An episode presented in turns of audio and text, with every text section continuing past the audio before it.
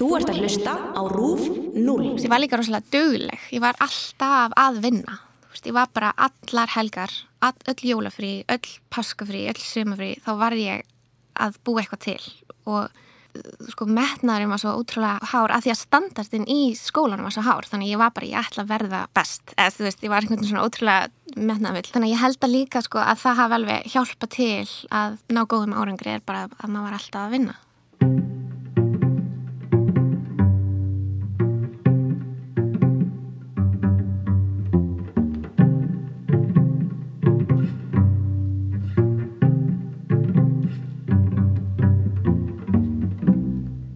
Hæ, ég heiti Hildur og þetta er Skaparinn. Í þessum þætti fæði til mér gesti sem eiga sameigilegt að skapa hluti og vera frekar góður í því. Sumir kalla sér listamenn, aðrir ekki, en öll eiga þau það sameigilegt að vera með frjóan huga og vinna við að framlega hugmyndir. En hvernig hugsaður þetta fólk? Hvað gerir það þegar það fær ekki lengur hugmyndir? Eða er alltaf nóga hugmyndum? Ég heiti Anita Heyrileikar og er fata hönnuður og textilhönnuður.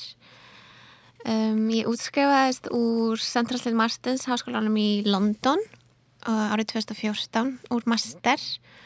Já, ég er núna að, að hannandi mínu einu nafni og er í Reykjavík að vinna því.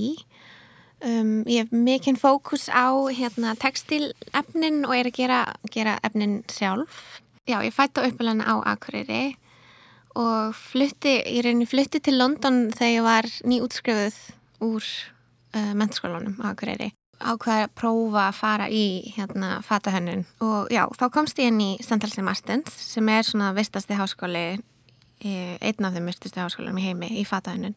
Fór fyrst í BA-námið, tók ég að í fatahönnun með áherslu á prent eða munstusgerð og fór svo helt áfram í masterinn og sérhaði mig þá í fatahönnun með áherslu á textil og útskrifast þaðan 2014. Útskriftalína mín var í rauninni það sem komið svona eiginlega á framfærið. Ég gerði þessast áttalúk og handsaumaði þau öll sjálf og það vakti svolítið miklu aðtikli út af því að hennunar bransin var svolítið svona að fókusera á digital og, og margir voru bara svona að taka myndir af, af, af hérna, kattvalkinu og gaggrindu voru svona að dæma þetta all, allt út frá myndum og það var svolítið lítið svona að vera að pæla mikið í svona textil og hvernig hlutinu var gerður og þetta var svolítið svona, minn árgangur úr skóla var svolítið að, að vinna með þetta og, og reyna að gera textil og svona það sem vekur eftir text og það þarf svolítið að staldra við og spyrja hvernig er þessi textil gerður og er þetta prjón eða þú veist, eða, þú veist og ég fekk rosa mikið af spurningar sem var bara já prjónaði flíkotna þínar.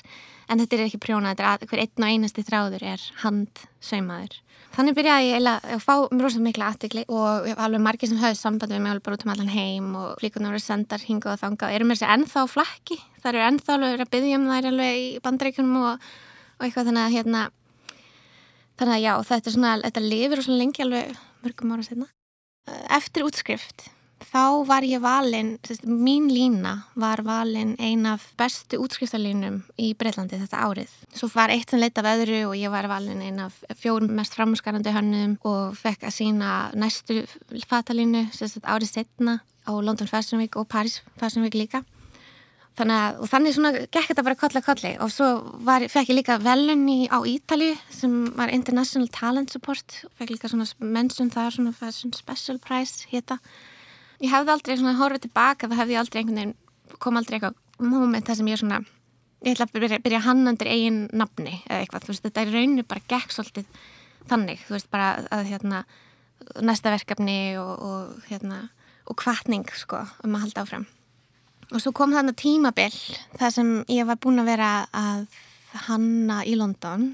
Þá kom ítalska luxusfyrirtæki hérna Bulgari sem er á Ítalju þá hafið þau samband og þá vildi þeir gera eitthvað svona collaboration með einhverjum nýjum útskrifum höfnum og þá fór ég svolítið mikið að fara til Ítalið og var, já, það var svona margt að gerast og þannig að ég var þar alveg einhvern veginn svona rosa tætt og ákvæðilega bara já ég ætla að fara bara til Íslands og svona kvíla minn á milli.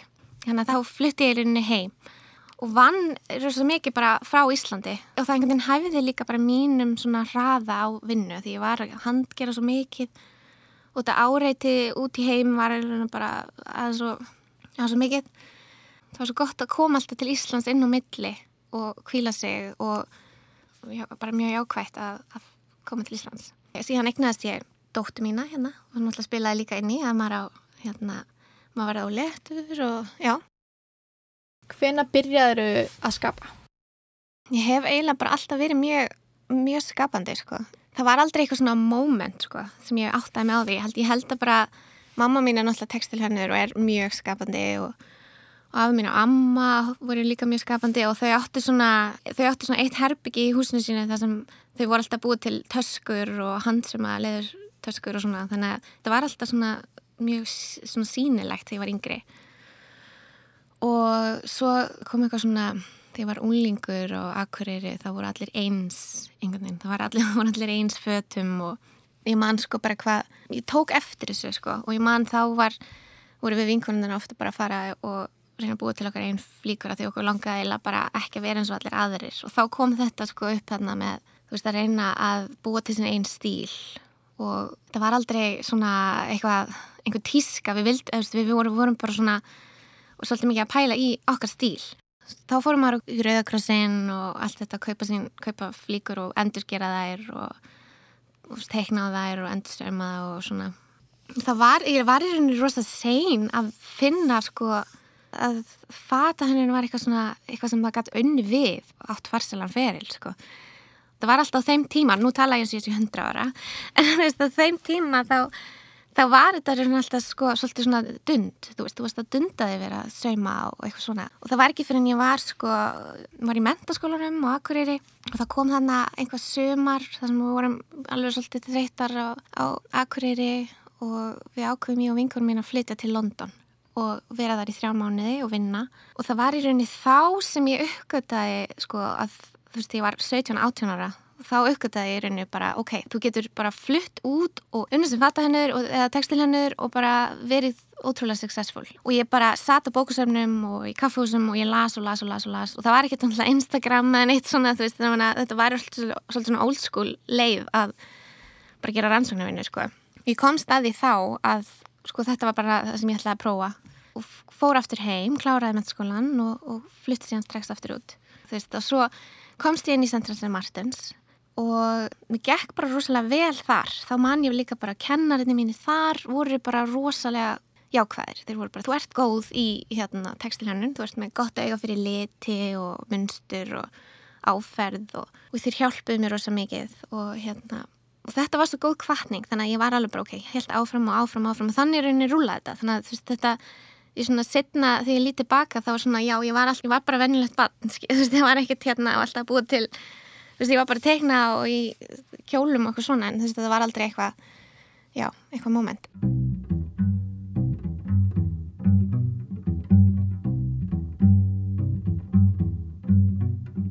Þegar þú ferð hugmynd að einhverju, hvernig er síðan ferðlið frá hugmynd og hvernig vinnur það síðan áfram? Ég held sko, ég, ég er sko full af hugmyndum. Já, ég er mjög auðveld með að fá hugmyndir, eiginlega bara aðeins of auðveld. Sko, ég er alltaf í rauninni, ég er alltaf einhvern veginn með augun opinn, sko. Þú veist, ef ég fer hérna á listasöfn eða ég er að horfa á einhverja bíómynd eða bara út að labba eða eitthvað, þú veist, þá er ég alltaf að taka eftir hlutum. Veist, það sé sko litir eða áferðir eða hvað sem er ég fær rosalega mikið einblastur af list og listasöfnum og er, hefur útrúlega gaman að ég að skoða listaverk og svona fara skoða sérstaklega listamenn þannig að hérna oftast tryggjara það eitthvað svona, þú veist það er svona eitthvað, eitthvað fyririldi sem kemur og maður er svona ú, þetta er eitthvað spennandi. Og svo byrja maður bara, þú veist, hvort að sé eitthvað svona lítið blobs sem enginn skilur. Og mér finnst alveg mega fullkomlega sens byrja að vera að gera einhverju svona litla skissur sem hefur alla skissur, þetta er bara einhverju, einhverju tónar og litum og svona og svo, svo bara gerir maður góða rannsóknarvinnu, þú veist, maður, skoða rosa mikið af gömlum tímaritum alveg frá 1970, 1960 einhverju gamla bækur. Og er alltaf að lesa líka. Og svo sapnast þetta bara einhvern veginn saman og, og svo stundum er ég að vinna eins og hugmynd, sko, ég er að vinna rosa mörgum hugmyndum á sama tíma. Ég er að vinna kannski 30 munstusverkefnum á, á sama tíma. Og svo byrja ég að gera eitthvað pælir ros, rosalega mikið í litunum. Það er eiginlega svona það helsta sem ég legg rosalega miklu áherslu á og gef mig góðan tími að finna það út og svo er það hlutfellin veist, á formunum og þannig að þetta er í rauninni bara svona að það er svona áframhaldandi markmið í rauninni að gera eitthvað sem er eftirteknavert. Hvar finnst þið best að vinna? Ertu með stúdíó eða ertu að vinna þér eða hvernig, hvernig líður best? Sko, ég er eiginlega bara alltaf út um allt. Það henda mér í rauninu rosa vel að vera bara á ferðinni. Ég fer oft til útlanda og næmir í rannsóknarvinnuna og næmir í innblóstrinn og, og, hérna, og fer svo heim og ger eitthvað í, ég með vinnustofu og stúdíó í Reykjavík og byrja að gera eitthvað þar, svo fer ég til Akureyrar.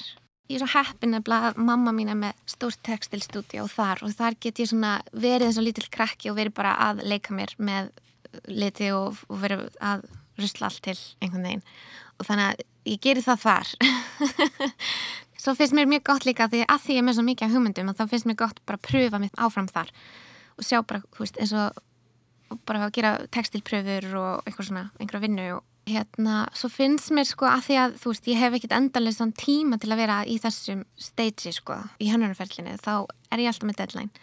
Þannig ég hendi einhvern veginn öllum, æli einhvern veginn öllum hugmyndum út um mér og svo kem ég með þetta til Reykjavíkur og þá þarf ég að byrja að taka ákverðin, hvað er ég að fara að nota, hvað passar saman, veist, hvað vil ég þróa áfram?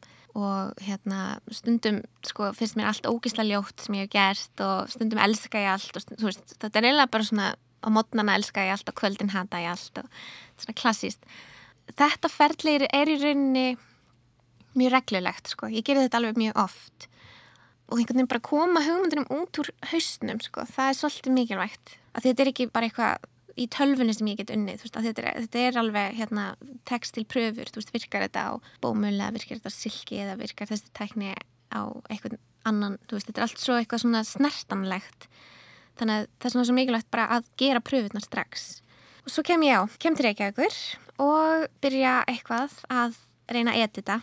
Og þá er þetta oft í samræmi við einhvern annan þú veist, þá get ég, þá þarf ég að tala um þetta við einhvern og þá fæ ég svona mína ráðgjafa inn einhvern veginn og þá, þú veist, getur þetta verið lína og það getur þetta verið eitthvað svona einhver heild og þá er ég oftast að fara að sína einhverja, einhverja línu sko eða að gera eitthvað ákveð verkefni. Og svo er ég, stend ég oftast upp með kannski 10-15 sem ég ætla að þróa áfram.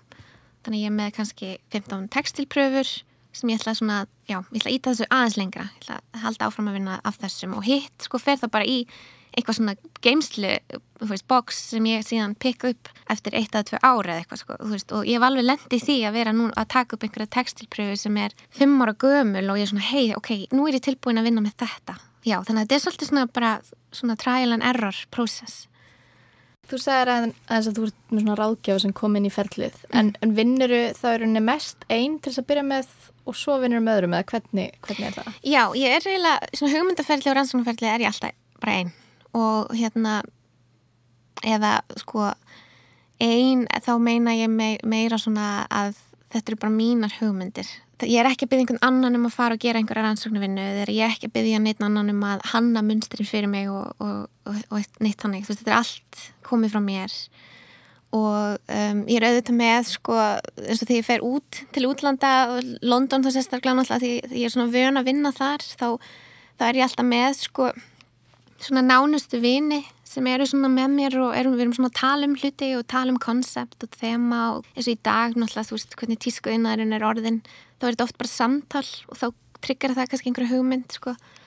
og svo já, svo þegar ég er að vinna text til pröfunum sjálf, þá er það oftast bara ég sem er að prófa mig eitthvað áfram stundum er ég með hjálp að þetta er náttúrulega svolítið svona, svona eins og ég er með verknema sem hjálpa mér að, að eins og bara gera svona, svona mín kannski svona leiðilega hluti en, en þeir sjá þá bara hvernig ég vinn og svo þegar ég, ég er komin í stúdióið og er að fara að edita þá er það kannski eins og til dæmis stílisti sem kemur inn og eða bara vinkonur sem bara ok, myndur þú vilja klæðast þessu munstri eða þú veist, finnst þetta mjúkt eða finnst þetta óþægilegt við húðina og eitthvað þetta er svona, þetta er meira svona tilfingarlegt sko, það sem þá gerist sko.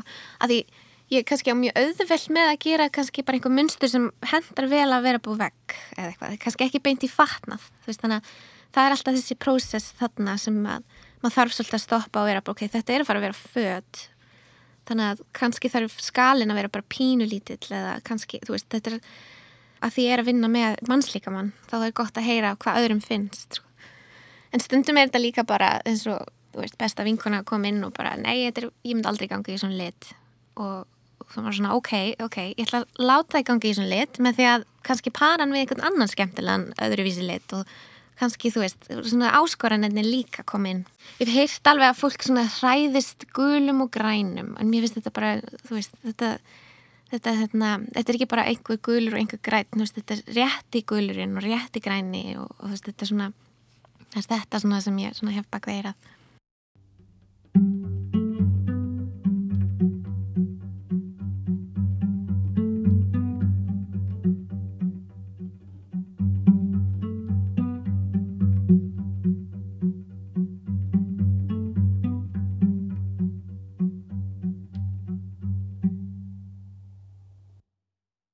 þeirrað. Útið þú ert greinlega með, eins og þú segir, þú getur búið til munstur sem virka vel upp á vekk. Hefur ykkur tíma spáði að gera eitthvað annað en að vera fataðinur? Heldur nota kannski sköpunnaðinni að gera eitthvað, eitthvað annað?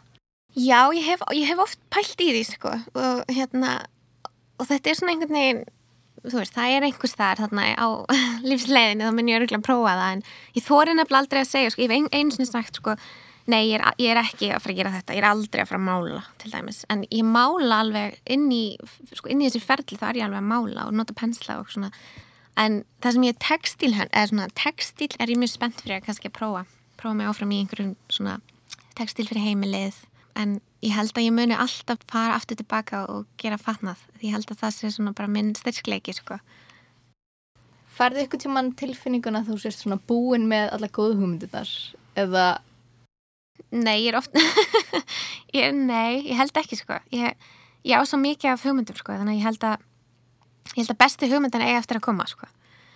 Og já, ég held að ég, ég er alls ekki ég er alls ekki búið með besti hugmyndanar ég held að það er, ég held að þetta sé líka svolítið svona að þú veist að, að vera bara svolítið í takt við tíman sko, þú veist að gera allt saman miklu betur hæja þess áferlinu og gera allt miklu betur og hérna gera gæðin betri og ég er svona miklu spenntar yfir því sem ég á ofta að gerast eftir fimm ár. Ég er einhvern veginn horfi sjaldan tilbaka og, og, svona, og, og hugsa svona og þetta var frábært einhvern veginn. Ég er alltaf sko, ég horfi, horfi tilbaka og hugsa, oh, ég hefði átt að gera þetta og oh, ég hefði átt að, þú veist, oh, þetta hefði átt að vera fara betur, ég hefði átt að nota þennan lit og ákveði syndi ég þetta, þú veist þannig að ég er alltaf einhvern veginn að, að endur gera og mér langar alltaf að gera betur. Og, og ég held öruglega ef ég mun sko fá einhverju tíma þessa tilfinningu og ég hafi ekki neitt fram á að færa þá held ég hætti sko. Ég held þetta sé bara svona ég held að þá kemur öruglega bara mómenta sem ég svona, já, ok, ég, ég er ekki að fara að halda áfram að búa til það sama sko. Það er alltaf rosalega fast í mér og þetta er öruglega bara eitthvað sem ég byrjaði í skólanum sko, er að passa sér að staðn ekki. Það er svolítið sem ég rætti við, þannig að ég held að ég mun alltaf halda áfram að gera eitthvað svona áfram nýtt. Mannst eftir einhverjum svona skrítnum hlut eða atvikið eitthvað sem hefur veittir innblástur í þinni sköpun? Já, sko ég náttúrulega er alltaf að sulla. Þegar ég er búið til munstur þá er ég kannski ekki mála og ég hef óvart svona sullað, þú veist, málingadósinni eða eitthvað svona, þú veist, þá gerist svona margt mjög spennandi. Hvað finnst þið svona helst veittar innblástur? Já, eins og ég segi, ég er duglega að fara á listasöfn og skoða alls konar bækur, listabækur, ljósmyndabækur. Svo er ég líka mjög mikið að horfa á gamla bíómyndir, einhverja svona Hitchcock-myndir sem eru útrúlega fallegar. Það, það veitir mér ennþá í dag alveg bara mjög mikið nefnblóstur. Svo er það líka bara svona einhvern textiltæknir líka sem ég finnst mjög spennandi eins og til dæmis þæfing. Það er svona bara þessi tækni, hand, handþæfiður hlutir og eitthvað svona sem er gerði þegar maður var í, í myndment í gamla dag veist, þá, þá var maður alltaf eitthvað að þæfa og finnst, og mér finnst það mjög spennandi hvernig er hægt að gera þessa tækni að einhverju svona veist, og gera hlut sem er bara, bara já, luxusvara og svo í dag náttúrulega veist, þá er það bara inblásturinn í dag líka bara að gera hönnunina umhverfisvætni það er líka bara mjög stór innblástur og bara laust sem maður þarf að finna á Þegar þú ert að hanna og skapa, spáru mikið í því hvað öðrum er eftir að finnast um það sem þú ert að gera? sko, já, ég gerir það alveg stundum, sko. Um, en ég passa meila á því að vera ekki of mikið að pæli því, að þetta getur alveg verið rosa svona, bara hægir á öllu, þú veist, að því að maður áirinu ekki að hugsa um það fyrir en kannski bara í endan ef ég væri alltaf að pæli því þá, þá væri ég að fara miklu meira fram og tilbaka sko. þannig að þetta eru örfáir í rauninni sem ég svona, finnst ég þurfa að impressa þú í rauninni bara kunin sjálfur veist, er, hann, er þessi kona að fara að fíla þetta að viljum koma aftur og kaupa þetta og sko svona, veist, það þetta líka sem það er svolítið að pæli sko. En ég er líka, ég er mjög mikið að reyna að setja mig inn í, sko, hérna svona lífstíl hvenna, sko, í dag. Eins og til dæmis flíkurnar eru þú getur verið í þeim í vinnunni það eru mjög þægilegar veist, og það er mjög auðvelt að vera í þeim. Og svo getur þú dressað upp á kvöldin þannig að það er aldrei þessi eitthvað skipti sem þú þarfst að hafa eða neitt hannig og þú getur verið í þeim, þú veist, bara með því að vera í kjólunum til dæmis, veist, þá getur þú verið í stríaskum og þá er þetta orðið svona svolítið daywear look og svo getur þú farið í hæla og þá er þetta orðið rosa fít, þú veist, ég er mikið að pæli þessu að því að ég held að, þú veist, það hefur engin tíma til þess að vera að pæla ómikið í því í hverju þeir á að vera og það er svona orðið oftast að festa mig við kjóla því að þetta er svo einföld lausn, þetta er bara ein flík sem þú þarfst ákveða en ekki eitthvað að þú ert að para saman jakka og blúsu og, og pilsa og sokkabúsur og eitthvað sko, þetta er bara oflókið, allan af oflókið fyrir mig og ég, þannig að mér finnst mjög einfalt að veist, þetta er ein flík sem þú þarfst að pæli Getur þú mælt með einhverjum bókum eða bara hlaðvörpum eða þáttum eða eitthvað svona fyrir fólk sem langar að læra meira eða vera, fá innblástur? Sko það er nú ekki nógu mikið af svona hön, að fata hönnunar hlaðvörpum sko. það ætti að vera mikið meira af því. En hérna bókum, já, það er náttúrulega sko bara þessar bækur um þessar stóru stablist fatahönnur eins og til dæmis Martin Margiela. Hún er bara gefið ótrúlega fallega eigulega bók. Það sem hægt er að sjá bara ferlið og, og skoða svolítið lengra en bara það sem er í dag eða síðustu 5-10 ár. Skoða hönnuði sem voru að breyta tímanum með flíkonum veist, eins og bara Chanel í gamla dag 1920 veist, og Dior, Christian Dior 1950. Það er svolítið að skilja líka sko, hvað hönnur voru að gera í gamla dag og þetta var ekki eitthvað, eitthvað trend eins og þetta er oft í dag veist, með hæstrítin og eitthvað þannig. Þetta var miklu meira í takt við tíman og þannig ætti þetta að vera svolítið í dag það er svolítið búið að vera að fjöldaframlega og fara að kaupa úslega mikið í hæstrítinu, veist, það er eitthvað sem já, við ættum að læra af núna við ættum búin tími. Ef við förum svona svolítið tilbaka og skiljum það sem var gerast í gamla dag, þá kannski getum við sett okkur meira í þau spór og svo náttúrulega bara að horfa á heimildamindir, það er æðislar heimildamindir til um til dæmis Alexander McQueen, hvernig bara þú veist sköpunin hans var og hvað hann var klár. Hvað er besta ráð sem þú fengið? Besta ráð sem ég hef fengið er öruglega bara frá prófessonum mínum í masternum Louise Wilson. Og hún hérna, hún kendi mér rosalega margt. En hún eiginlega bara svona sæði mjög hérna bara einn setning, bara gaggrínin hugsun, það festist við mig og ég bara ok, það er bara ótrúlega mikilvægt og eitthvað sem ég læriði bara getur tólkað þetta margan hátt en að nota gaggrína hugsun bara á allt. Hvað finnst þér erfiðast við það sem þú gerir? Ég er svo jákvæð mannska að það...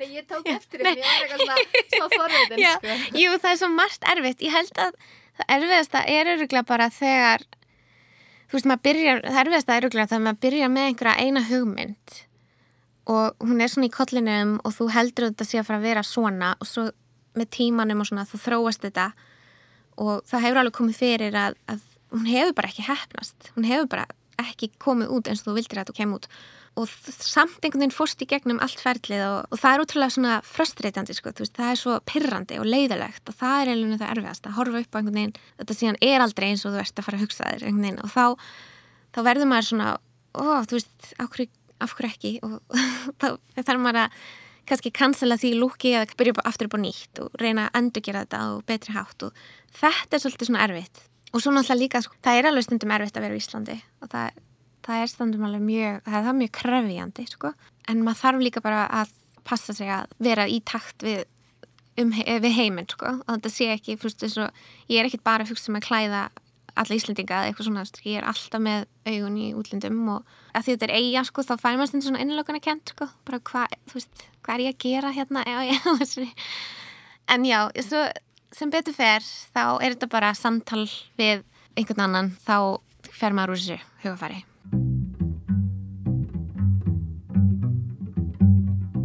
Ég þakka Anítu Kjalla fyrir mjög fræðandi spjall um hvernig er að vera fatahannur.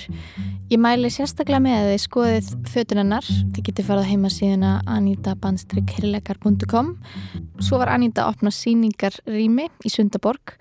Það er hægt að koma og skoða þess að fallegu kjóla sem svo sannlega byrtu upp skamdegið. En takk fyrir mig í dag. Ég heiti Hildur og þetta er Skaparinn.